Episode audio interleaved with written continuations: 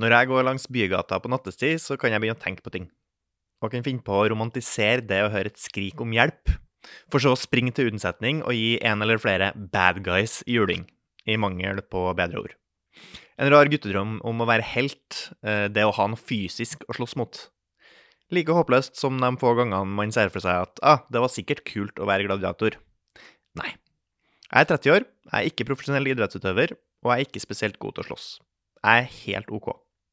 Men på flere tidspunkt i livet så har jeg tenkt hvis jeg bare hadde øvd nok, så kunne jeg nok jeg blitt proff i en eller annen idrett. Og for dem som kjenner meg, nei, det gjelder ikke fotball. Jeg er nok i bedre form nå enn jeg noensinne har vært, og jeg blir også gradvis bedre i kampsport. Men jo bedre jeg blir, både fysisk og teknisk, jo mer innser jeg at det aldri hadde vært meg. Jeg hadde aldri blitt proff idrettsutøver, og kanskje sist av alt kampsport. Det krever altfor mye. Jon Vetle Furuheim, derimot, han har det som kreves. Han er 21 år, og allerede profesjonell utøver i MMA, Mixed Martial Arts. Det nærmeste vi kommer realistisk slåsskamp i kontrollerte forhold. Han vant nylig sin siste og femte proffkamp i november, i en idrett som foreløpig er ulovlig i Norge. Og som mange idrettsutøvere har han en ambisjon om å bli best i verden. Hvordan eh, begynte du med MMA? Eh, det var ganske vil, jeg vil, ikke si det var tilfeldig, men eh, jeg begynte med kampsport da jeg var veldig liten. Så jeg starta med taekwondo. Jeg var seks-sju år gammel. Eh, jeg hadde veldig mye energi da jeg var liten, så foreldrene mine leta på en måte etter noe jeg kunne begynne å trene. da. Um, jeg, var, jeg var den som klatra i trær i barnehagen og var litt gæren. Ja, God på å kaste snøball, sikkert? Ja, det, det var jeg. så jeg begynte å trene taekwondo, og så var jeg på ferie i Thailand. Jeg testa thaiboksing, og så neste år så trente jeg thaiboksing igjen i Thailand. Eh, og så ringte pappa litt rundt og sjekka hvor jeg kunne begynne å trene thaiboksing. Har ringt til litt forskjellige gymmer i Oslo, eh, i nærheten der vi bodde, på Kolbotn. Eh, og så endte jeg på Frontline Muay Thai. Eh, møtte Chris. Jeg tror ikke han egentlig hadde planer om å trene meg, men til å begynne med, for jeg hadde egentlig ikke barnepartier. Men grunnen til at han begynte å trene meg, var for at, at han skulle holde pads for meg én to, ganger, og så ble det egentlig bare at det bare ble fast i, i uka. da, Vi trente sammen to ganger i uka, og så trente jeg taekwondo ved siden av. Eh, og så etter hvert så begynte jeg å trene grappling, BJJ, og så gikk det over til MMA, da, for jeg så de store gutta som trente MMA på matta, og jeg syntes det var kjempekult. Så begynte jeg å spille UFC på PSP og se på UFC på YouTube, og så ble det på en måte det jeg hadde lyst til, da. For jeg var mm. veldig glad i kampsport fra før, men det var på en måte MMA som fanga meg mest, da, når jeg på en måte begynte å trene det. Hadde du liksom noen, eh, noen du så opp til, type av uh, eh, utøvere? Den første sånn idolen mitt innenfor MMA, det var uh, Lyoto Machida. Uh, en brasilianer som var sånn karatefighter. For jeg drev også med taekwondo da jeg var liten. Så jeg, liksom, han, hadde, han, hadde, drakt og svartbelte, og jeg syntes det var kjempekult.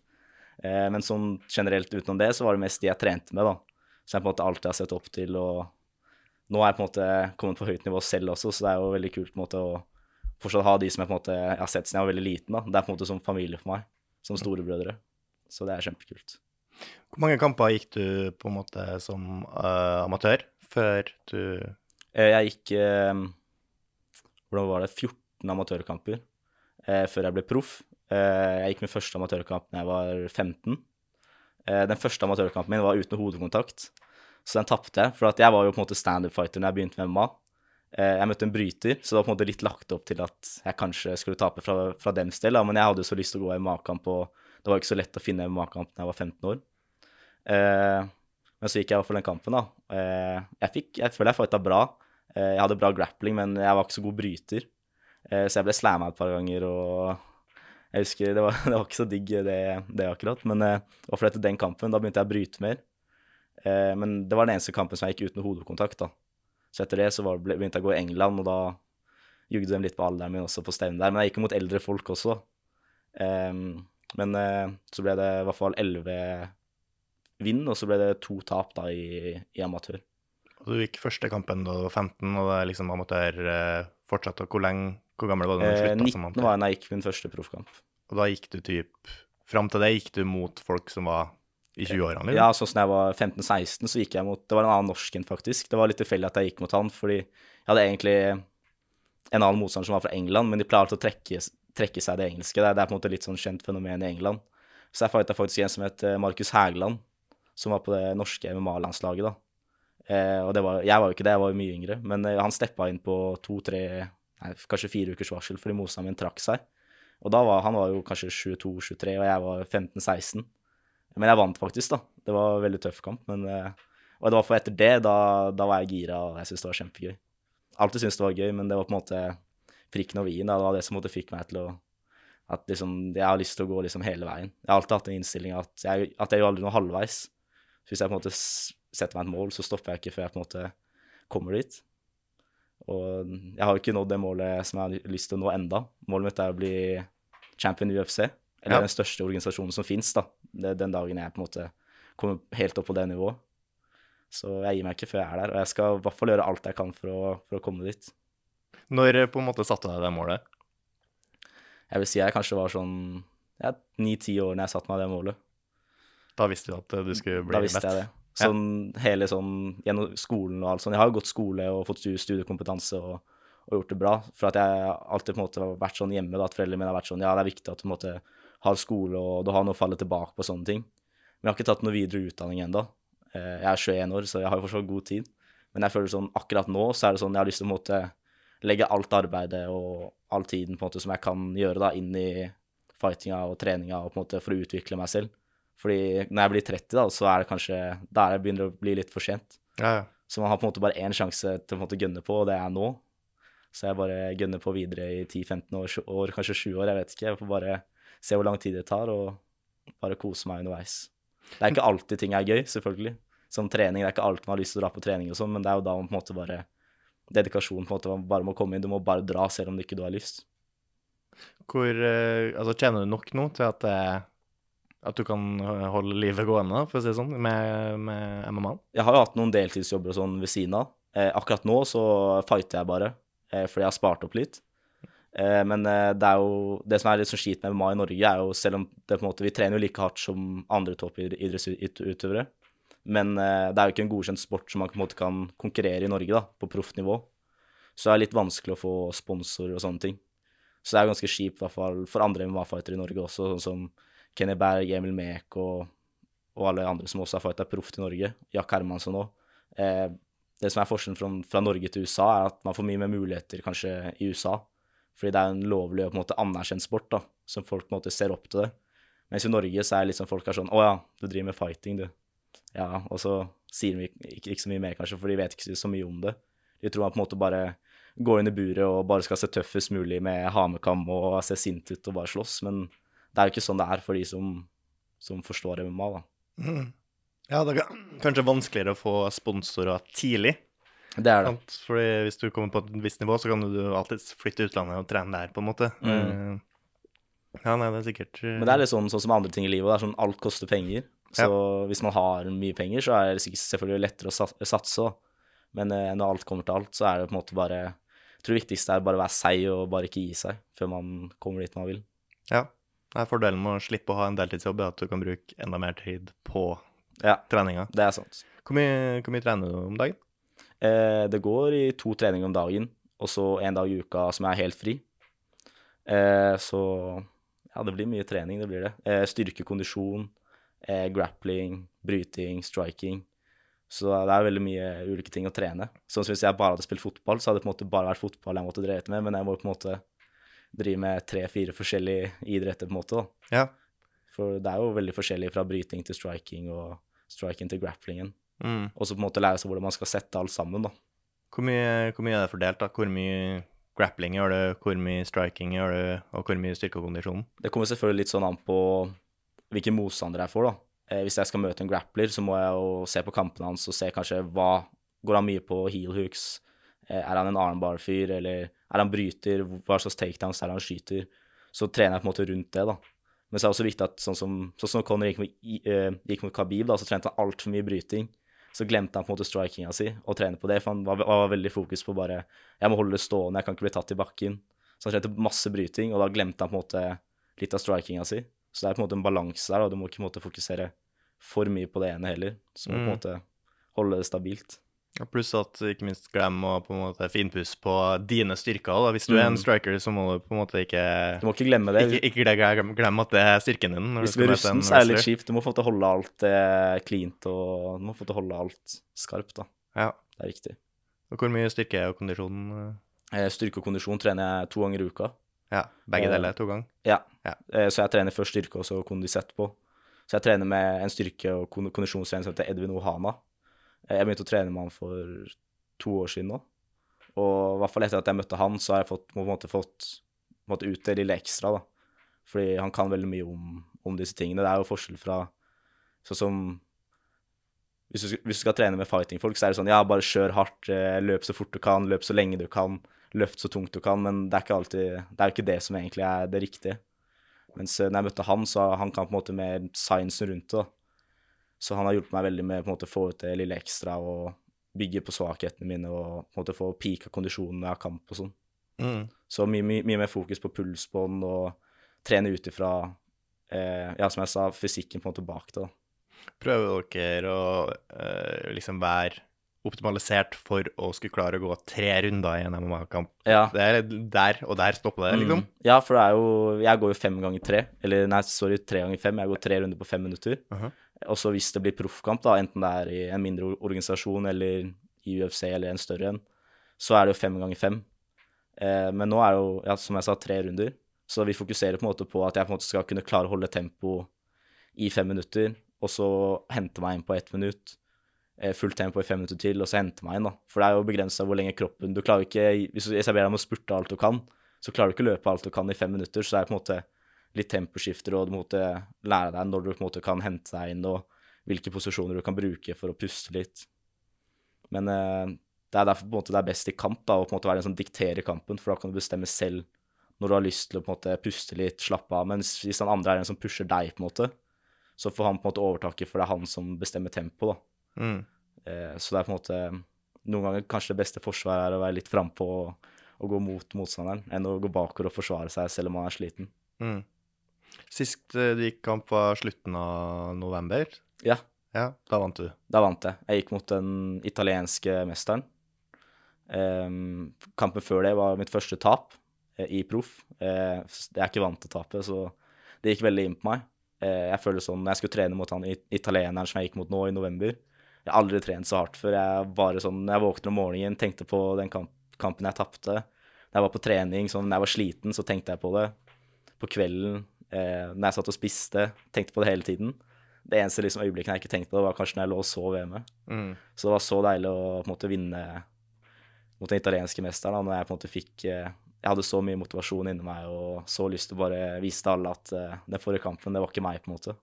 Ja, du skulle definitivt ikke tape igjen. Nei, det skulle jeg ikke. Jeg tror jeg måtte eh, kommet med noe helt sinnssykt hvis han skulle tatt meg den dagen, for jeg følte meg så bra. Ja. Det var sånn, jeg gikk inn der, det var sånn Jeg følte meg så avslappa, selv om det var på en måte mye stress og mye spenning og, og sånne ting, både før kampen og under oppvarminga og sånn, men jeg følte når jeg skulle gå inn i kampen, jeg bare følte en sånn enorm ro, på en måte. Det var sånn, når han slo meg, jeg kunne på en måte Jeg følte meg så avslappa. Det var som om jeg var på trening. Ja. Jeg kunne se slagene hans, jeg så bevegelsene hans. Så det føltes veldig bra. Det er Ja. ikke ofte man føler det sånn. Helt sinnssykt forberedt, på en måte. Mm. 100% Jeg følte ikke jeg var sliten engang. For jeg satt oppå han, og på slutten jeg slo noen slag før jeg fikk choke-in. Så jeg bare slo alt jeg kunne. Jeg bare Jeg hadde ikke noen tanke om at jeg var sliten. Jeg bare Jeg skal vinne det her. Jeg, jeg bryr meg ikke. Så fikk jeg choke-in. Så så jeg på klokka, så var det 35 sekunder igjen. For klokka var liksom over cagen på TV-en der. Så jeg så oi, 35 sekunder, så visste jeg at OK, jeg har den. Nå sitter den, for jeg har på en måte de 30 sekundene på å finishe han, på en måte. Så idet han tappa, så sovna han. Han var litt treig med å tappe. Han hadde Ja. ikke lyst til å gi seg, han heller. Men han måtte gi seg, da. Rått. Hvordan er kostholdet ditt eh, til vanlig, når du liksom ikke har en kamp planlagt på, på lenge, da? Når du skal vedlikeholde liksom Sånn, hvis det er lenge til kamp, så spiser jeg nesten egentlig hva jeg vil. Jeg får jo selvfølgelig i meg de tingene som er viktige, da, proteinene og carbsa og vitaminer og sånne ting. mm. Men eh, jeg er ikke like ille som Paddy, men jeg er ekstremt glad i mat. Så det er sånn, jeg kan spise. Jeg vet ikke om det er fordi jeg trener så mye og har høy forbrenning, men jeg kan spise uendelig nesten. Ja. Alle, alle tuller med det sånn, ja, jeg kommer liksom uka etter kamp, så har jeg liksom gått opp 10-15 kilo nesten. Fordi jeg er så glad i mat og koser meg med mat og burger her og pizza der og Og, og spise egentlig gjennom hele dagen, nå, det er liksom ikke noe Det er ikke noe stress. det er det ikke. ser fullt ut. Hvordan endrer det seg liksom fram mot cuttingene? da? Endrer det seg ganske brutalt. Eh, jeg fighter jo 66 kilo. Vanligvis hvis jeg spiser litt sånn kontrollert og passer på litt, da. For det andre er kanskje det å spise mye. Men da veier jeg kanskje sånn 75-76 kilo. Ja. Så jeg kutter i underkant av 10 kilo til kamp. Så det er jo hvor mye av det er vannvekt på en måte de siste døgnene? Jeg vil si kanskje 6 kilo, kanskje vannvekt på slutten. Ok, Så du prøver Ja. å gå ned nesten 4 kilo først, bare på Jeg prøver å komme meg ned til litt, og så er det- 73-72. Ja. Og så, når jeg kommer ned til eh, der jeg skal fighte, i det landet jeg skal fighte dagen før innveiing, da prøver jeg å være kanskje Hvis jeg er akkurat under 70, da er det sånn fire kilo. Det er perfekt. Å ta Ja. på en måte siste, siste kvelden, da. Hvordan klemmer du ut det siste? da? Eh, før så var det mer sånn svettedrakt, hoppe hoppetau, bare på en måte løpe, svette og sånne ting. Men etter jeg ble kjent med Ohana, da, som jeg fortalte om, eh, så han på en måte Han kan mye om hvordan kroppen fungerer, hva man burde gjøre, hva man ikke burde gjøre. Så hvis du tar mye badstue, for eksempel, da, hodet ditt blir jo helt kokt når du sitter inne der. Og det er jo ikke det optimale når du er ganske dehydrert fra før. Eh, så det vi har gått mer over til nå, er jo badekar, da. Eh, å ligge så og så lenge i varmt vann eh, sette i gang svetteproduksjonen, og så er det kjapt opp av vannet, tørke seg. Man er litt svimmel når man kommer opp av vannet der, for det har vært ganske varmt, så du får hjelp til å kle på deg. Og så pakke deg inn i dyner og svetterakt og sånne ting. Og bare ligge der en time og svette. Ja, jeg så noen videoer på Zoma er liksom Ja. først i badekaret, og så rett opp i senga med noe sånn aluminiumsfolie-innpakning og sånn. så Det er sånn der og- aluminiumsfolie sånn som de bruker på folk i skogen som er litt sånn nedfryst og sånn. Mm. Det holder på varmen inni der. Det så ikke megabehagelig ut. Nei, man føler seg ganske klau- klaustrofobisk inni der. Du Ja. føler du ligger der helt sammenklemt eh, og bare ligger og svetter. Så på slutten av den timen, da begynner du å kjenne, da begynner du å slite. Ja. Så tar vi kanskje av lua, og da blir det litt bedre, og så går det kanskje fem minutter til, og så blir det sånn å, du føler du skal dø, men du skal jo ikke dø, men du føler det bare sånn å, dette er helt jævlig. Så når du endelig er ferdig da, og du på en måte får i deg drikke og mat, det føles helt utrolig. Det er, det er kamp, jeg pleier å kalle det kampen før kampen. Ja. For det er, det er ikke noe gøy. Det er på en måte den dårlige siden av sporten. Eh, Ja, det er jo litt det som jeg har prata om med ganske mange. Det, det er irriterende at det der er det som gir best effekt. da. Mm. At det er bedre å kutte så mye og så gå opp masse i vekt Gru- før en kamp, i stedet for å bare holde seg på den vekta jevnt. Grunnen til at det er så, så At liksom alle gjør det, er jo fordi at motstanderen gjør det. Ja. Så hvis jeg hadde gått opp med vektklasse, da, da hadde jeg møtt en som kanskje hadde kutta fra 85 eller kanskje ja. nærmere 90, ikke sant. Og så hvis du går opp én igjen da, så møter du kanskje en som veier over 90 igjen. Så det er jo veldig sånn teit. Men alle kutter jo forskjellig, da. Du har jo noen fightere som, som fighter på sin vanlige vekt, men de gjør det ofte ikke like bra som de som kutter, da. Nei. Uh, jeg så jo også det, det som er sykt, er jo nesten hvor mye, hvor mye du klarer å gå opp på jævlig kort tid. Mm. Etter du har kutta der, så er du ned på 66 kilo, og så Ja. bare på et lite døgn så opp på 73-74 igjen, liksom. Jeg, vei, jeg veide nok kanskje 9-10 kilo over det jeg veide meg på når jeg gikk i kampen. Ja. Jeg tror ikke Mosheim min gikk opp like mye, men eh, han hadde gått opp litt, han òg, men ikke, ikke like mye som det jeg gjorde. Men føler du deg like pigg da, på den kampdagen, som du hadde gjort før nedkuttinga? Klarer du å komme tilbake i liksom samme fysisk form? Som på den fredagen hvor jeg veier meg inn på morgenen, da. Resten av den dagen så er man ganske sliten, fordi det tar veldig mye energi for kroppen å på en måte fordøye mat, eh, få væsken som du drikker ut i kroppen, og ta imot ele elektrolyttene, vitamin og sånne ting. Det tar mye energi også for kroppen. Men eh, hvis jeg får en god natts søvn på en måte fra, fra fredagen til lørdagen, da føler jeg meg veldig bra. Jeg føler meg ikke så bra på lørdag morgen, men sånn litt utover dagen da, så begynner, jeg på en måte å kvikne til, da. Mm. Så det er også en ting som jeg også har fått veldig mye hjelp av, av coach Johanna, Det er jo at han på en måte blander hva jeg skal få i meg, ulike pulver, ulike sammensetninger. Eh, eh, liksom Får du deg for mye elektrolytter, så kan du få diaré. Får du deg for lite, så går alt rett gjennom kroppen. Så det er på en måte en balanse i, i alt, på en måte, alt du får i deg. Du må på en måte tenke på det. Hvis du hiver deg sjokoladekake, så får du diaré. Hvis du hiver i deg noe annet, så kanskje du får forstoppelse. Ja. Så jeg har hatt kamper hvor jeg på en måte har vært dårlig i magen, og kamper hvor jeg ikke har klart å gå på do. Så jeg har hatt kanskje en kamp hvor jeg ikke har klart å på en måte tisse en gang før jeg kanskje går kampen. Hmm. Men det er jo lenge siden nå. Det har jo ikke skjedd nå i det siste i proffkampene mine. Det er derfor man går amatør, for å på en måte lære, da. Ja. Men eh, føler du ville ha prestert like mye på en kampdag på typ, eh, å ta en 3000 meter, da, som du ville ha gjort eh, før du begynte å kutte ned? Eller er du litt svakere som når du går kamp, enn du ville ha vært et par dager Det før? kan det litt- av den prosessen. Kanskje det er litt psykisk, men eh, jeg føler meg veldig bra når jeg skal gå kampen. Men jeg tror kanskje jeg hadde følt meg enda bedre hvis jeg ikke hadde kutta. Nettopp. Så jeg tror kanskje Så man kanskje, er en litt svakere kanskje jeg er 90 av seg selv, da. men- Kanskje jeg er 90 Ja, ja, men det er jo fortsatt verdt det, på en Det måte, det, å det gå det. en vektklasse under. Det er det. Ja. Eh, Det det har vært veldig mye diskusjon rundt sånn med vektkutt og sånn, er jo det at eh, når du kutter vannvekt, så er det på en måte det vannet du har inni hodet, da, Mm. som beskytter hjernen. Eh, Hvis man ikke får reagert seg riktig, så er det veldig farlig, fordi når du blir slått i hodet, så er det på en måte vannet rundt hjernen som på en måte tar imot støtet. Mm. Så det har vært litt snakk om det sånn i media, og ikke så mye i Norge, da, men i USA og de landene som har MMA litt mer anerkjent. Det er jo akkurat det samme i boksing eh, og andre kampsporter også, eh, hvor det er vektklasser, og det er jo mye snakk om det at det er farlig på en måte å bli slått på det impactet. Tenker dere mye på det på trening? Liksom å prøve å verne hodet ditt litt? Ja, men eh, mange sier bruk hjelm, men det som jeg har erfart, det kan hende mange er uenig i, det er at hjelmen gjør på en måte hodet ditt større, Ja. så da blir jeg truffet mer, og da får jeg på en måte flere slag på hodet. Mm. Så jeg føler hjelm hjelper på en måte mer mot kutt og sånn, da. Eh, Når det begynner å nærme seg kamp, så hvis du sparer litt hardt, så skal det ikke mer til enn et slag som bare snidder, så kan det komme et kutt. Eh, Så det er ofte da jeg bruker hjelm for å på en måte beskytte mot kutt og sånne ting. Men eh, på sparring, så det er veldig sånn Jeg har vært i Nederland og sparra, eh, K1, og der er det helt ekstremt. De prøver å knocke deg på hver trening, og alle prøver å knocke hverandre, og du går resten av uka og bare halter og har vondt, liksom. De hadde en dag, det var torsdager, som de kalte for meat day. Fordi det var eh, 15 runder sparring på morgenen og 15 runder sparring på kvelden.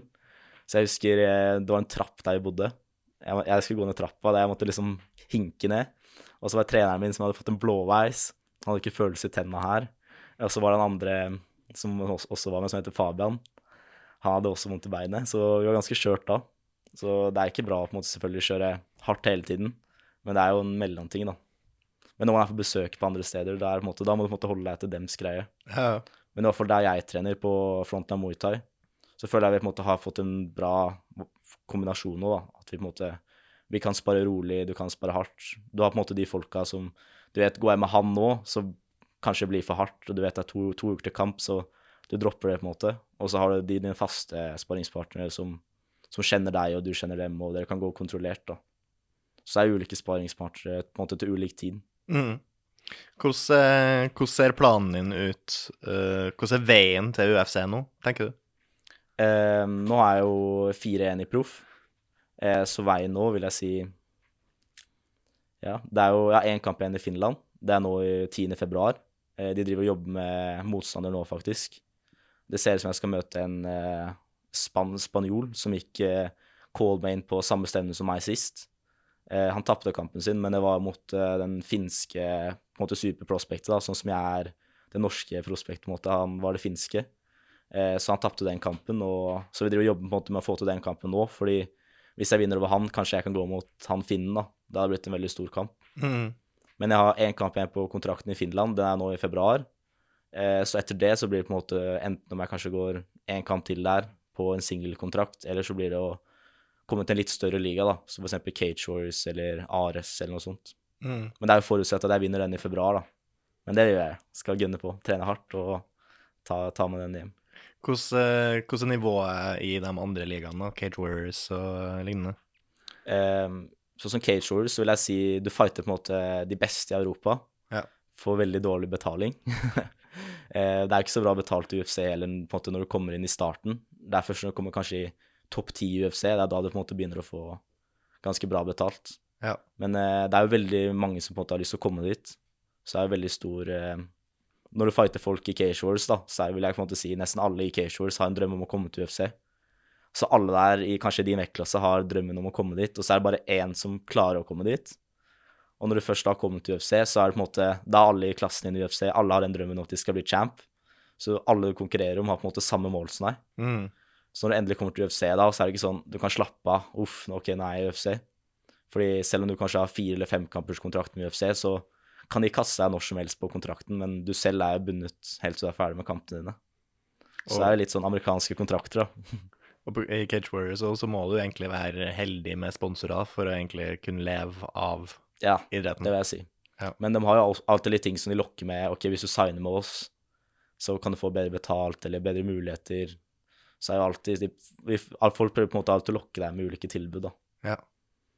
Men eh, det, er mange, det har vært mye snakk om det også i UFC, at det er mange fightere som måtte føle seg litt utnytta.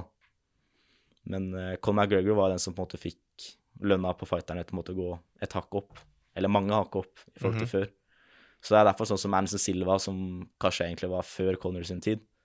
Han har fortsatt fighta noen kamper nå, men det er fordi det har blitt så mye bedre betalt. Så kanskje han bare OK, jeg må bare få ut de siste pengene jeg kan få ut av det her, på en måte. For han er fortsatt en god fighter. Anderson Silva er fortsatt en god fighter, men han Mm. knekker foten litt ofte, bare. Ja, det er det. Litt kjeks. Ja. Leggen har fått litt mye juling. Men tilbake til spørsmålet ditt, sånn veien til UFC. Det blir jo å komme til en større liga.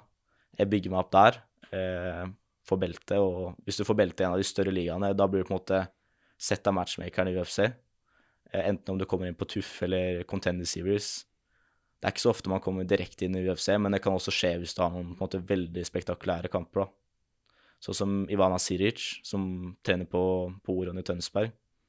Eh, hun fighta mot de tøffeste jentene i Europa, i Ares, og møtte to polakker som var skikkelig svære. De så nesten ut som menn, liksom.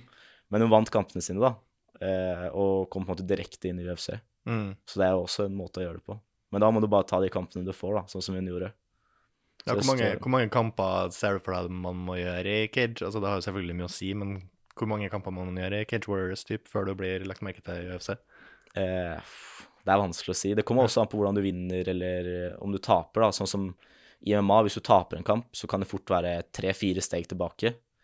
Eh, mens, du, mens du vinner en kamp, så er det bare ett steg fremover. Jeg har jo en kompis som er fra Brasil, som trener i, trener i Sverige på Allstars. Han heter Felipe Lima. Han er jo champion i Octagon nå, og er eh, 12-1 som proff. Og han er ikke kommet til UFC en gang ennå. Pga. det ene tapet sitt, som var den første kampen hans. Så, men det er også en annen ting er at eh, de ser på De har veldig mange brasilianere i UFC, Ja. så de ser på en måte alltid etter å på en måte få folk fra ulike land som ikke de har så mange fra, da, inn. For å på en måte få flere seertall og Så det er ikke bare en sport som en måte bygger seg på det sportslige, det er jo på en måte en sport som Det er en underholdningssport, da. Ikke sant? Så, Så man må kan det egentlig være en fordel å være fra et lite land som Norge. Det kan det være, egentlig. faktisk. Hm. Vi har ikke så mange i Skandinavia, egentlig, som fighter i UFC, hvis du ser folk til andre land, sånn som England eller Brasil eller USA og Russland. De har jo hundrevis av utøvere, på en måte. Mm.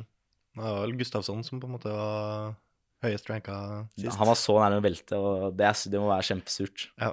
Og mot Så- Jones, da. Ja, tenk om nesten vinner over Jones bare på så mye. Mhm. Og mange mente han egentlig vant også. Ja, jeg syns ikke det var en overbevisende seier fra Jones. Det var det ikke. Nei. Det må kanskje være noe av det sykeste kanskje noen i Skandinavia egentlig har gjort i UFC. Mhm. Det er jo Jack banka jo Jacare Sosa også. Det også er jo kjempekult. Men jeg tror kanskje den med Alexander Gustavsson, den tar kanskje kaka av Ja. alt. Jones er vel uh, i mine øyne utvilsomt den beste fighteren altså noensinne. Både fordi han er stor, og så sikkert ikke pound for pound, men Mm. Også at, altså, at han alltid festa en uke før kamp også, Ja. og drakk alkohol. Og fordi han vil liksom, ok, Hvis han tapte kampen sin på lørdag han altså gå kamp, så vil han på en måte ha en unnskyldning. Jeg bare, ja, ja, jeg var på fest forrige helg, det var derfor. Ja. Det var det han sa, det var derfor han ville ha den unnskyldningen. Det er litt sånn, det er ikke kanskje en toppidrettsutøverinnstilling, men eh, jeg tror han bare er, eh, er noe for seg selv. Mm. Jeg tror han bare er litt annerledes fra alle andre. Jeg tror ikke det hadde funka for eh, hvem som helst. Det er jo ganske mange store navn i featherweight, da, der du fighta også. Connor begynte jo der. Mm. Eh, Jose Aldo. Um, hvem flere? Nå er det Volkanovski. Volkanovski, han er jo, og så er det Max Holloway også. Mm. Eh, så featherweight er kanskje det er, bare, det er kanskje litt teit å si at det er den tøffeste klassen nå, fordi alle klassene er jo egentlig veldig tøffe nå. Hvis du går opp i lavere vektklassen, sånn som der hvor Henry Suhudo fighta, eh, det er jo enormt høyt teknisk nivå. Mm. Også når du går på de høyere klassene, sånn som heavyweight, det er fortsatt eh, høyt teknisk nivå, men der går det mye mer på styrke, og du ser jo de gasser jo med en gang, og da blir det bare slugfest. Han først som treffer haka, er på en måte han som vinner. Mhm. Men jeg føler på en måte de vektklassene som er midt imellom, da. Sånn som der hvor jeg er featherweight, og så lightweight, welterweight, kanskje middleweight også. Jeg føler det er de tøffeste vektklassene, fordi det går ikke bare på teknikk, eller bare på styrke eller kondisjon, det går på en måte på alle aspektene av, av fighting. Mm. Så er det som på en måte skiller featherweight fra kanskje heavyweight eller flyweight, det er at det er knockout power, det er teknikk, det er takedowns, bryting, grappling. Så det er ikke noe Du kan, kan ikke ha så mye hull, da. Du må være klar for alt. Hvem er dine øyne beste featherweighten eh, ever, da? Eh, beste featherweighten ever. Mange ville kanskje sagt Connor fordi han bare gikk inn og knocka alle, men eh, i hvert fall nå i ettertid, er, jeg må si det er Volkanoski. Ja. Eh, måten han, han ble jo knocka nå i forrige kamp av Makachev når han gikk opp til, til lightweight, Der ser du jo det jeg snakka om i stad, når du kutter vekt til å gå i en klasse, og så går du plutselig en klasse opp, og så møter du en som er større, som har kutta fra en høyere vekt. Mm. Jeg tror kanskje grunnen til at han ble knocka i den siste kampen her, var kanskje pga. størrelsesforskjellen, da. Fordi Makachev er jo enorm i forhold til Volkanovski. Ja. Men uh, den beste featherweight noensinne, det må være Volkanovski. Ja. Måten han har dominert den vektklassen så lenge. Jeg husker faktisk jeg var i USA og studerte der da, da McGregor gikk mot eh, José Aldo første gangen. Da knocka han på 13 sekunder. Mm. Og da var jeg på en måte i San Diego, da, der det er mye José Aldo-fans. Så ganske packa bar da vi var ute og så kampen. Og sånn, ok, gleder oss til å se main event her nå. Så på 13 sekunder knocka ut, og vi er bare en liten gjeng med skandinaver som bare Woo! Alle andre bare sånn, Hæ? Alle heia okay, på, okay. på Jose Aldo, men dere heia på Conor. det var ikke så pene blikk dere fikk da. Det var ikke det, men uh, ja. Nei, du kan jo si hva man vil om McGregor, men han har gjort utrolig mye for sporten, da. Det har han. Det har fått eh, øynene til hele Europa, i hvert fall Mm. vridd mot det, så det blir jo mer og mer populært i, populært i Europa, altså. Han har bare fulgt drømmen sin. Han får til alt han måtte sette seg inn for å få til. Ja. Åpne whiskymerke, ikke noe problem. Åpne klesmerke, ikke noe problem.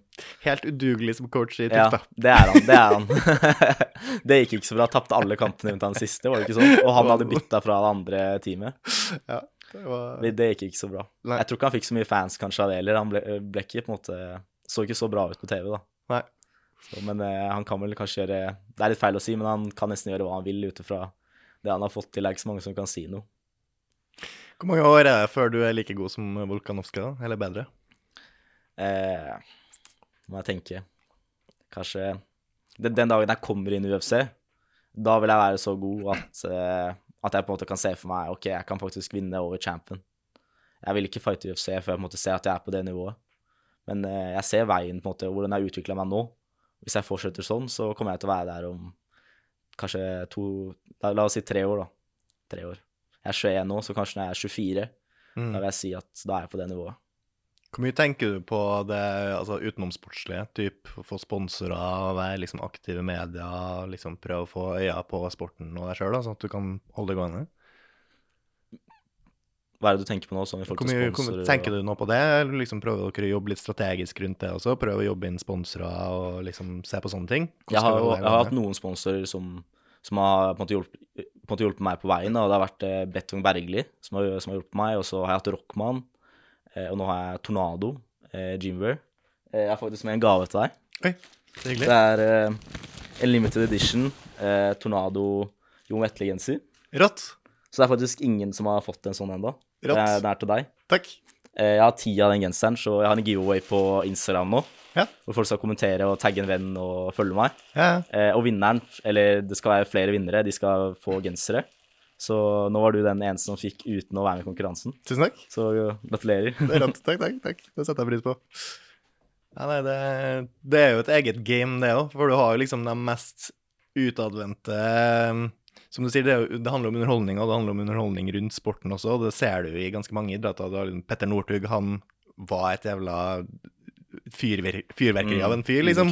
Det gjorde at det dro mer publikum til sporten, som igjen gjorde den til et mer attraktivt sponsorobjekt. Helt til den gjorde noe dumt, da, så klart. Mm. Men altså, har dere tenkt på det? Har du liksom prøvd branding og sånn? Er det noe du tenker på? Ja, det er jo mange eksempler på det, sånn som Magnus Carlsen, sjakk. Hele Norge satt jo plutselig og spilte sjakk i stua. Eh, Haaland med fotball. Eh, var, alle nordmenn vet jo om fotball fra før, så det er kanskje ikke så bra eksempel, men i hvert fall med fighting, da, så tenker jeg for å i hvert fall nå det norske folk, så må du på en måte Du må være en utadvendt person, du må være hyggelig. Alle disse tingene. Eh, ikke på en måte være for breia. Jeg tror ikke Connor-greia hadde funka i Norge. Nei. Eh, men i hvert fall det som passer meg veldig bra, er at jeg er egentlig bare meg selv. Og det er, det er vanskelig å snakke om, om seg selv, men andre sier jo at jeg er veldig ydmyk og jeg er ikke en sånn breial person. da. Folk sier til meg ja, du må være litt mer breial. Men det er jo vanskelig. Jeg har bare på en måte lyst til å være meg selv, og så nå så langt jeg kan med å være meg selv. Men eh, jeg tenker jo at egentlig at personligheten min eh, passer ganske bra i forhold til MMA, og på en måte få det ut til norske folk, da. Ja. Sånn som Cecilia Brekkhus fikk det til for boksing. Hun måtte jo bli verdensmester før det måtte bli lovlig i Norge. Mhm. Men hun også er jo et veldig bra eksempel på en ydmyk, jordnær person som bare er ekstremt god i det hun gjør, egentlig. Ja, for det er jo vanskelig å kombinere det der eh, for å si det, det norske, da, som jo er det der, å være litt ydmyk og være litt jordnær, sånn at du treffer det norske publikummet, men Mm. samtidig være utadvendt og spennende nok til et internasjonalt publikum, da, Mm. og til å være på en måte et sponsorobjekt. Du må slenge litt dritt når du sitter på pressekonferansen. Ja. Men det kommer av seg selv når folk begynner å slenge dritt til deg. Da Da Ja. må du svare for deg. Du kan ikke sitte der og bare late som ikke du forstår engelsk, sånn som José Aldo og Khabib. Du må svare for deg. Ja. Så det blir spennende å se. Det er jo noe man må lære seg, kanskje, det òg. Men eh, jeg er ikke en person som blir så fort sint, da, så er, folk kan si hva de vil. Men når vi kommer i cagen, og cagen låses, og jeg står foran motstanderen min, så er det bare meg og han. Det er jo ingen inne der som kan Selvfølgelig, det er jo dommeren, da. Men eh, da er det kamp mellom meg og han. Det har ikke noe å si hva han har sagt dagen før eller for en måned siden. Da er det, da er det kamp, på en måte. mm. Hvordan eh, Kjenner du på noe frykt noensinne, eller er du så selvsikker når du møter folk at det har ikke noe å si? Jeg føler sånn Når du går inn til Cation, så er det sånn Da må du på en måte legge frykten bak deg, men det skjer på en måte automatisk når du går innover, da. Du, har, du må legge, på en måte legge bort frykten, men på en måte ta vare på den nervøsiteten, da. For jeg føler den på en måte gjør at du kan reagere kjappere. Sånn som på trening, kanskje du er litt sliten, du er litt slapp og sånn. Men når du er i kamp, da får du på grunn av på en måte nervøsiteten, så vil jeg si at man, på en måte, man, man ser ting raskere, da. Eh, sånn, reaksjonen kommer på en måte av seg selv ut fra hva du har trent på, fordi La oss si du føler deg på en måte trua når du er der, og når han kommer mot deg, så må du på en måte Du må reagere kjapt. Det er på en måte, Du har ikke noe valg, du må det, på en måte. Så det bare skjer automatisk. Det er litt vanskelig å forklare, men Ja, litt som et eh, Det var en som forklarte det ganske bra, en som driver med Letway, som heter Dave Leduke. Eh, han sa, sa i en podkast at han føler seg på en måte som et skada dyr, da, som sitter på en måte, en fugl som sitter i et hjørne, på en måte, og noen på en måte kommer og pirker på deg. Da får han på en måte den hvor han snapper, da. ja. Så han på en måte føler seg nervøs, og selvfølgelig han er jo stressa, men når han på en måte kommer inn der, så er det på en måte, da reagerer han på en måte bare på instinkt. da. Så det er litt sånn jeg også føler det. Det går mye på instinkt og på en måte hva som er inntrent i kroppen.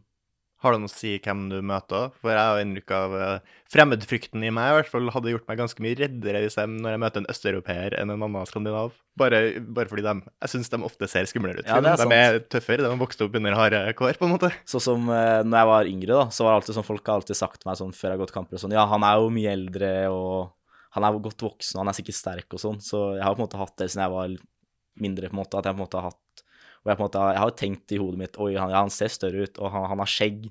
Ja. Eller jeg har jeg jeg er 15-16 år, jeg har ikke skjegg, liksom. Men så har jeg på en måte overvunnet det, da. Flere ganger. Så det er sånn Jeg tenker ikke så mye på det lenger. Ja. Sånn, jeg trener med folk som har mye muskler, skjegg, alt mulig. Det, det endrer ingenting. Det er fortsatt eh, mann mot mann når man er i cagen, og det er kamp uansett om man er skjegg, eller om man er tsjetsjener, eller om man er dagestaner. Ja. Det har ikke så mye å si. Hvordan endte du opp med Wonderboy-tilnavnet? Um, det er en litt morsom historie, egentlig. Jeg tror ikke det er så mange Eller starten på det er litt, en liten morsom historie, fordi uh, jeg spilte UFC og sånn på PSP, ikke sant, og man kunne lage sånn career mode med Man kunne velge kallenavn og sånn på, på han utøveren din, da. Mm. Uh, og så jeg syns Predator, The Predator var så kult. Uh, da var jeg ni år, jeg fighta min første proffkamp i Thailand. Og når jeg vant da, så fikk jeg en pokal da, som de hadde skrevet The Predator på. Men så kom jeg tilbake til Norge, og eh, når jeg var liten, så var det kult å hete The Predator. Men jeg ble litt eldre, så er det sånn, ja Jeg visste jo ikke bedre, ikke sant? Men det er ikke så kult å kalles The Predator når det kanskje liksom er litt sånn engelsk begrep for overgriper. da. Så da måtte vi på en måte se etter et nytt navn, og da, da ble det på en måte egentlig bare Wonderboy. Ja. Fordi det hadde ikke passa meg å vært sånn The Beast eller et eller annet sånt, fordi jeg er en ganske rolig person. Så måtte jeg liker å fighte. og Jeg er ikke snill i cagen, men jeg er ganske snill utenom. Mm. Så måtte vi finne et navn som måtte er kult, som, som, som passer meg. da. Så da tenkte vi OK, Wonderboy, det passer. Det er jo, han er hva heter for noe, Steven Thompson nå, Ja, som også heter heter Wonderboy. Men han er på en måte på vei ut, da. Ja. Så da kommer jeg inn, så er jeg neste Wonderboy. Det blir, det blir kanskje litt rart også når jeg blir 40-50 og bare er Wonderboy. Wonderboy. jeg må bare holde meg ung og bare se ung ut når jeg blir gammel også. Ja. For det var jo sånn, sånn rent strategisk så begynner Altså, det er jo for sent nå, kanskje? Kan man bytte til noe? Du kan det kanskje, men eh, i hvert fall nå som jeg har begynt å lage litt genser og sånn. Jeg tenker jeg holder meg til det. For sent, ja. Kanskje Wonder Man når jeg blir eldre. Old man. Eller hvis du gjør transition, kan det bli Wonder Woman. Mm. Det er sant. Man kan Mm. gjøre mye nå, nå, nå om til dagen, holdt jeg på å si.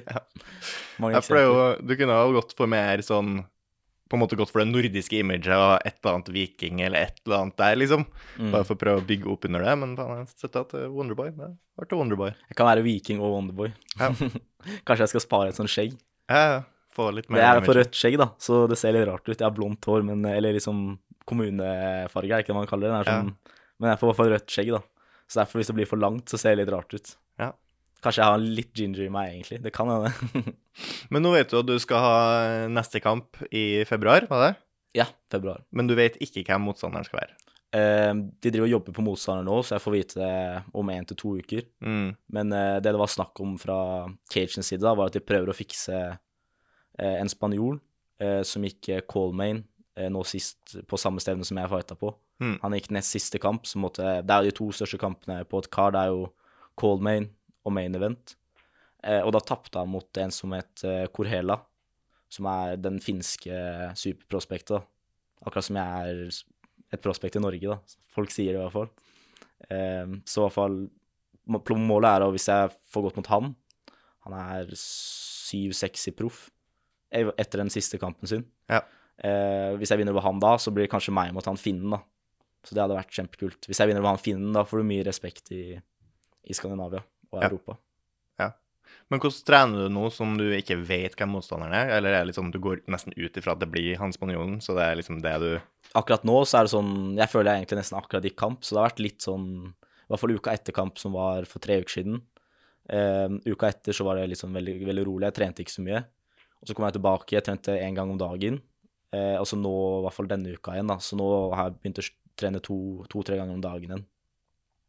Men jeg spiser fortsatt det jeg vil, da, så jeg har fortsatt på en måte energi til å trene. mm. Men eh, om et par uker nå så begynner jeg på diett igjen, og da, da begynner det å bli tungt igjen. Ja. Jeg, jeg føler kanskje ikke det er på en måte fordi man spiser sunt, men det er for på en måte miste den lille gnisten da, som man får på en måte når man kan kose seg med mat og komme på trening og ha på en måte masse energi, masse overskudd. Så kommer du på en måte på trening, og det er kaldt ute, du fryser litt, kutter vekt. Litt sånn kjipt, men eh, det er en del av gamet, da. ja. Har du noen gang tenkt på om det er en mulighet til å gå opp i vektklasse? Eh, jeg har tenkt på det, men sånn ut ifra høyden min og sånn. Så, fordi jeg kutter jo til 66, men det er ikke sånn at jeg sliter veldig med 6 66. Men Nei. jeg kommer meg ned dit når jeg gjør det jeg skal gjøre. Det er ikke sånn at det er sånn Aldri vært sånn 'Å, jeg klarer det kanskje ikke'. Det har alltid vært sånn 'Jeg klarer det'. Det er ikke noe stress, men det er tungt, på en måte.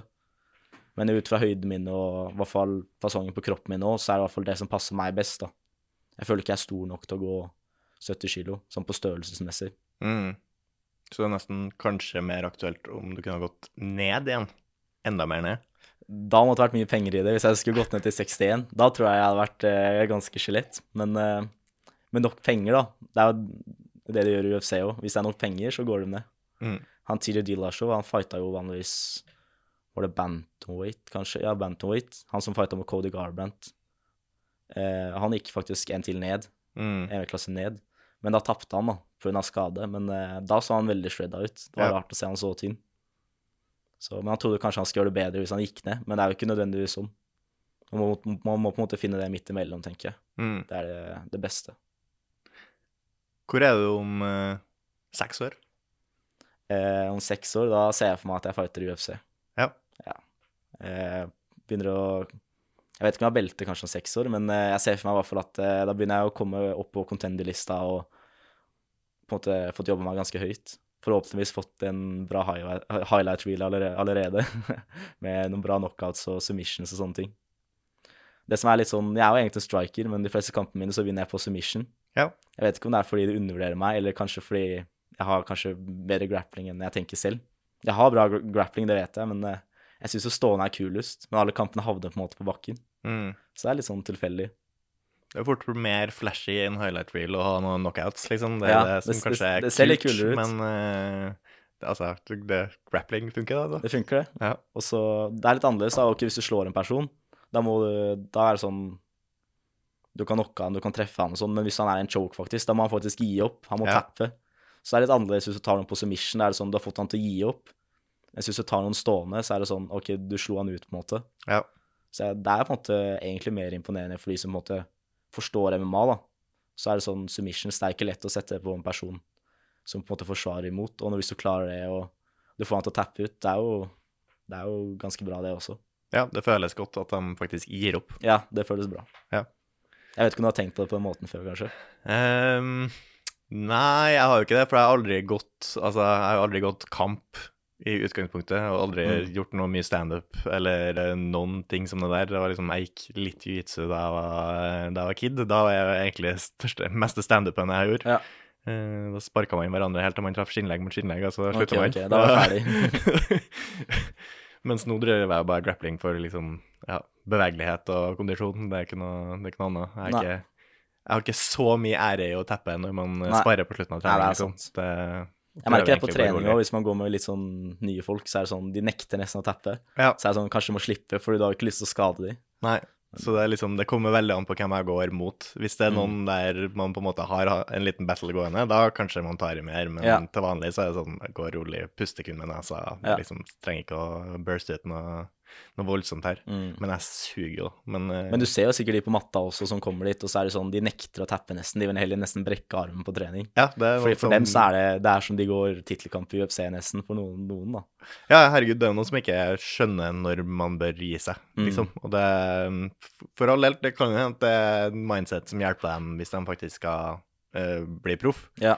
Men for folk som ikke har planer om å gå proff, så er det liksom ikke noe Det er ikke noe hensikt i det. Det er sånn for meg, det er, det er ikke noe gøy å tappe ut på trening, men det er ikke sånn stolthet min er ikke for høyt å på en måte tappe ut hvis Nei. jeg sitter i en choke eller Jeg har aldri sovna på trening, faktisk. Og det er i hvert fall ikke verdt det for deg å bli skada. Nei, det er ikke verdt det. Men det er veldig mange som er sånn Ja, jeg sovna forrige uke, at du måtte bli tatt i en choke, og du Ja. tappa ikke. Det er mange som på en måte Det skjer med dem hele tiden. Og så er det sånn Ja, jeg rakk ikke å tappe og sånn. Så sier jeg ja, men hvordan rakk du det ikke? Det er sånn Jeg har aldri sovna på trening. Nei. Jeg har aldri sovna i en choke før jeg Ikke kamp heller. Nå, har du aldri gjort det heller, bare for å kjenne hvordan det er? Nei, aldri. Aldri sånn? Aldri. aldri, Aldri blitt choka ut? Men jeg har fått andre til å sovne, da. Ja. Så første gangen jeg liksom fikk en til å sovne, da var det litt sånn ekkelt, for han, de blir jo helt slappe, ikke sant. Mm, Så begynner de å snorke fordi de får tunga i halsen. mm. Så må du på en måte løfte bena deres og på en måte få blod til hodet deres, da.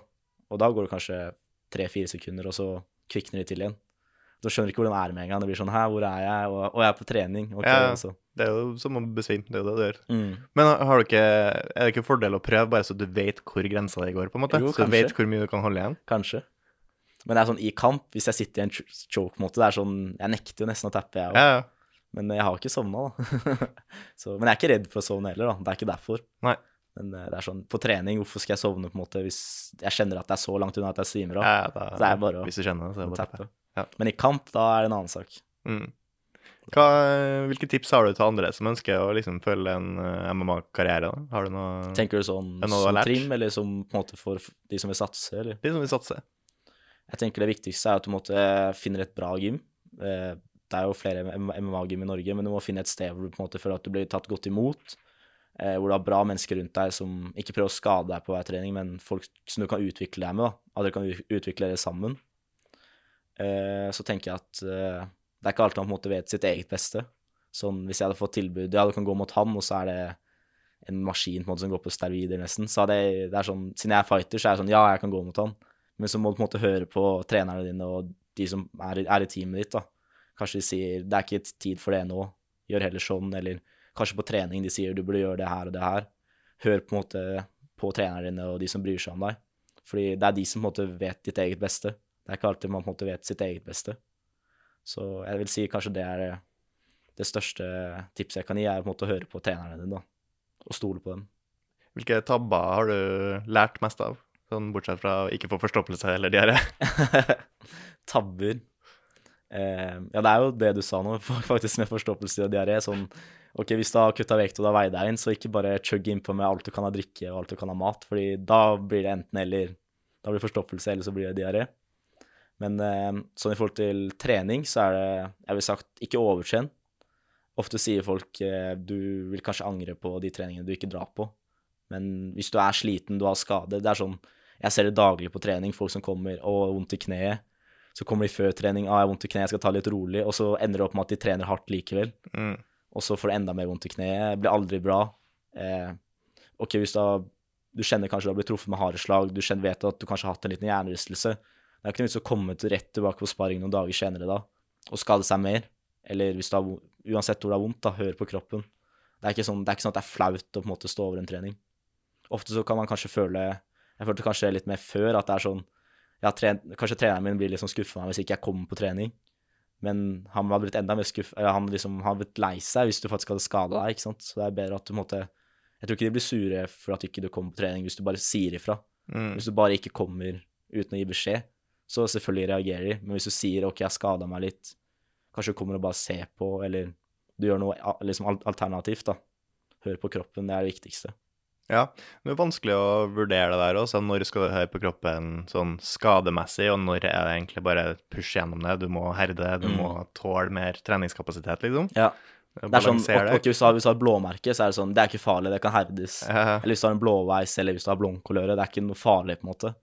Men hvis du vet du har kamp om åtte uker, da, og du har skada deg eh, kanskje kneet eller leddbånd eller et eller annet som, som kanskje er, faktisk er litt alvorlig, da. mm. Hvis ikke du hører på kroppen da, så er det sånn da, kan, det er sånn, da, da går du inn i den kampen uforberedt, for kanskje om et par uker da, så kanskje det ryker helt, ikke sant. Så selvfølgelig ikke vær pyse og være sånn Ja, jeg har litt vondt der, jeg rocker på trening, men hvis du faktisk skal skade deg, så er det bedre å ta en dag hvile. Ja. Så er det så mye bedre dagen etter. Hvordan vurderer dere kontinuerlig? Liksom, bør jeg trene hardere? Bør jeg trene roligere? Er det liksom hyppighet på småskader? Hva, hva bruker dere til å måle det på? Eh, vi trener alltid like mye, egentlig, men eh, hvis jeg har en skade, så trener vi litt rundt det. Mm. Eh, sånn som jeg har hatt brudd i hånda, som jeg har slått opp flere ganger. Ehm, og da har det vært sånn, kanskje istedenfor å slå på pads, så slår jeg på sånn sticks, som badesticks, som ikke er så harde å slå på. Eller hvis jeg skal ha kneet, da, så er det sånn OK, jeg skal fortsatt gå i MMA-kamp, men det er sånn Kanskje ikke bryte så mye, fokusere mer på boksinga nå. På måte se etter hva man kan trene alternativt, da. Mm. Hvis du har vondt i kneet, så drar du ikke på trening og øver på knær, på en måte. Eller hvis du har brudd i hånda, så drar du ikke på trening og bokser. Det, det er sånn, Du kan nesten le av det, men det er faktisk folk som, som gjør det. Ja. Som drar på trening og gjør ting de ikke burde gjøre. Som er litt for tøff for sitt Ja. eget beste. Ja, ikke sant? Ja. Og så sitter de etterpå og nesten gråter fordi de har så vondt. Ja. Så hør på kroppen. Det er det største tipset jeg kan gi. Eh, ideelt sett så uh, ser jeg for meg at man får uh, MMA legalisert i Norge, eh, og du på en måte blir champ eh, og kan gå kamp i Oslo, liksom. Det hadde vært helt sykt. Jeg ser ikke for meg at det skjer kanskje i nærmeste framtid. Eh, noen sier det kommer aldri til å skje, noen sier kanskje det kan skje om noen år. Men jeg vil si kanskje Kanskje om ti år, kanskje. Så Ja. kan, kanskje det kan skje. Mm. Jeg tror ting tar lang tid i Norge.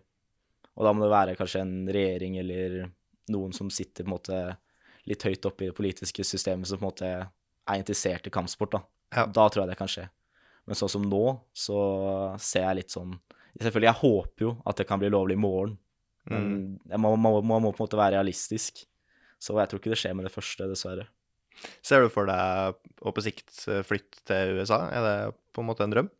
Eh, en drøm er ikke å flytte 100 til USA, men eh, jeg syns det er veldig kult å dra rundt og trene på ulike gym og sånne ting.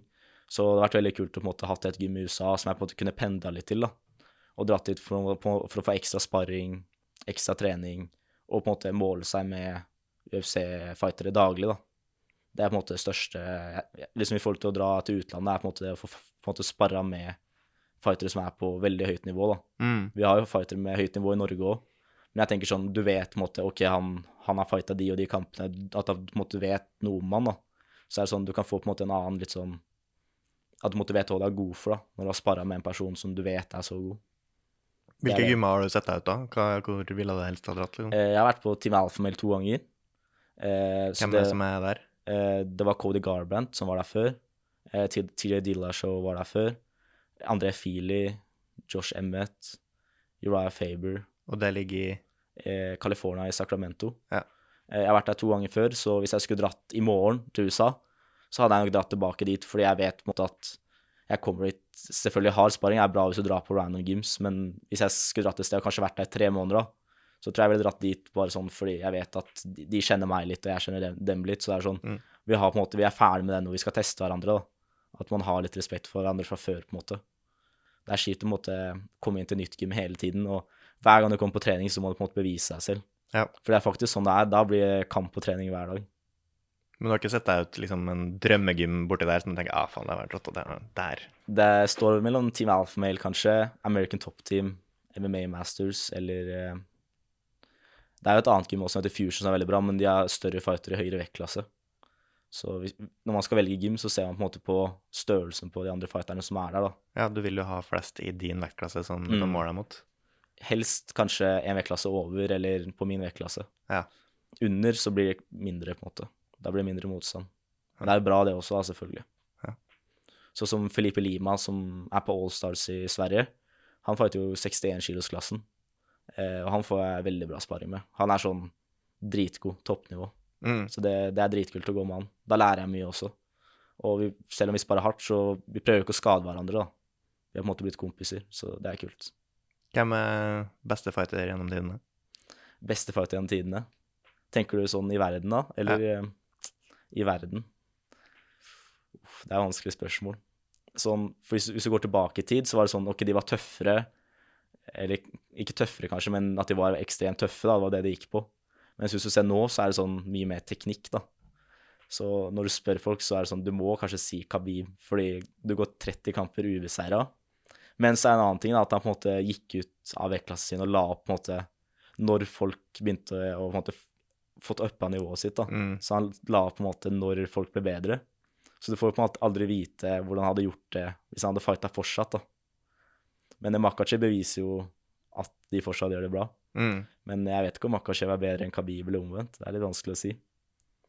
Men eh, det må være Jeg må si John Jones, kanskje. Best gjennom tidene. Ja. Han er rett og slett lagd for fighting, den fyren. Han har egentlig ikke tapt. Det ene tapet hans er jo diskvalifikasjon. Ja.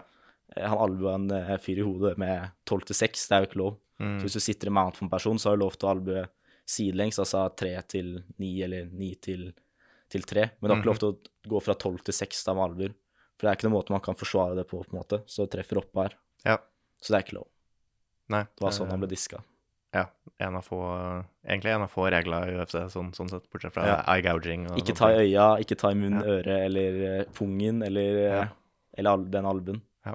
Eller knær i hodet på bakken. Det er heller ikke lov. Nei. Men det, lov i, det var lov i noen andre championships. Så eh, Joakim Hansen fighta ja.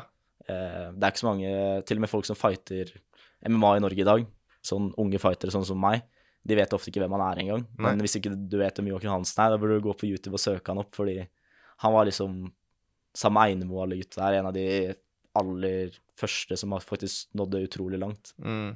Han var jo på en måte, når han dro til Japan og sånn og fighta, Kina, jeg tror det var Japan, eh, det var sånn, folk ville ta bilder med han og sånn, så kommer han tilbake til Norge, så er det sånn, ingen som ser på han eller på en måte tenker over det. Nei. Så det er, det er litt sånn i perspektiv, da, tenk å være så kjent i et annet land, og så kommer du til Norge, og så er det sånn, ja, ingen ser på deg engang. Kan jo nesten være en slags befrielse, det, da. Ja, så du kan være kjendis i et land, men så kan du på en måte få, få fri i et annet land. Hvis han hadde fighta nå, og gjort det så bra som han gjorde da nå, Ja, ja. så hadde han vært multimillionær. ja, ja. Da hadde han vært kjempestor. Så det var tilbake til det som jeg sa, det med at Connor på en måte fikk opp lønna ekstremt mye, da. Mm. Med på en måte Det var han Han gikk foran for veldig mange fightere og på en måte fikk til veldig mye som andre har prøvd å få til før. Så er det synd at uh, fightere på en måte har gått glipp av mye penger, og det er mange som ikke klarer seg bra, som må liksom ha jobber ved siden av. Ja. Og hvis du på en måte har fighta UFC, og du har liksom Du har vært title contender, du har hatt belte Det er veldig rart på en måte å tenke på Ja, ja, nå må han jobbe en vanlig jobb, på en måte. Han har på en måte vært den beste i verden mm. og på en måte fått til ekstremt mye, og så må man gjøre det. Ja. Det er litt rart. Så du er enig, du òg, som Simen også var innom og sa at eh, Jørgen Hansen er nok den beste nordmannen? Ja, det vil jeg si. Nei, det er I hvert fall en av de tøffeste. det er synd at det er at det ligger så mye makt i én organisasjon, da, som UFC. At det liksom Mm. har blitt dem som nesten eier MMA-idretten nå, Ja. eh, fordi de har så stor på en måte, markedsandel. Og Det er egentlig det meste sunt å- pengene ligger der. Sunt å ha litt konkurranse, men det er sånn Bellator, Ja. PFL og sånn, de er ikke på det nivået engang. Nei. I hvert fall med antall, antall PPUs og billettsalg og sånn, de er ikke på det nivået i det hele tatt. Mm. Det nærmeste som kan måle seg, er kanskje One FC. Fordi det er jo så mye publikum i Asia Ja. som følger med. Men de har jo grappling, boksing, thai- eh, MMA. Mm. De kjører jo alt. Men sånn rent MMA-messig så er det ingen som kan måle seg med UFC i det hele tatt. Nei. Og hadde du hatt One Championship Champions mot UFC Champions, så hadde UFC Champions eller de som er mestere i UFC, hadde vunnet alle kampene. Ja, Det er, sånn, det Det er 90, såpass stor. 90 sikker på. Ja. Nei, det er jo Ulempen med det er jo at hvis du altså, havner på feil fot med Dana White, så er det liksom Mm. Hva skal du gjøre da, liksom? Det er sånn, Hvis du velger på en måte å gå i PFL eller Bellator, Mm. eller kanskje går til One Championship, da er det sånn, du kan nesten glemme nesten å komme til UFC. Det er veldig få som har gått den veien. Mm. Eh, Michael Chandler et av de eneste eksemplene jeg egentlig kommer på som gikk fra Bellator til UFC. Um, og så var det jo Ben Askren som gikk fra One Championship til UFC. Men Mm. han ble jo knocka med en gang. Du så, Han var champion i One, og så kom han til UFC, så ble han knocka av Masvidal på hoppkne i ansiktet. Ja. Og han var jo ubeseira One Championship, tror jeg. Men det har jo noen som har vært liksom store i andre, andre championships som liksom har kommet til UFC. Cormier, for eksempel, var ikke han i Anna før han gikk over? Jeg tror ikke det, men han var i hvert fall OL-bryter, da. Ja, Vunnet gull i OL og sånne ting. det er jo, litt sånn imponerende. Folk som har hevda seg i bryting i, på olympisk Mm. nivå, og så kommer er og gjør det bra i UFC, liksom. Men sånn som Khabib, da, tenk når du kommer, du har ikke gått til OL og sånn, så kommer du dit. Sånn som, eller der var vi da han på trening. Mm. At han brøt med en som var sånn OL-medaljebryter, liksom. Og så klarer han å kaste han. Det er, tenk å ha ha- Og så er han MMA-fighter. Ja. Det, det er helt ekstremt. Nei, de er, de er sinnssyke. Det er jævla Mm. imponerende at du tør å gå i en sånn, eh, en sånn karriere i det hele tatt. Det er faen meg rått. Takk. Jeg ønsker deg all lykke til. Tusen takk for at du kom. Tusen takk for det. Takk for at jeg fikk komme.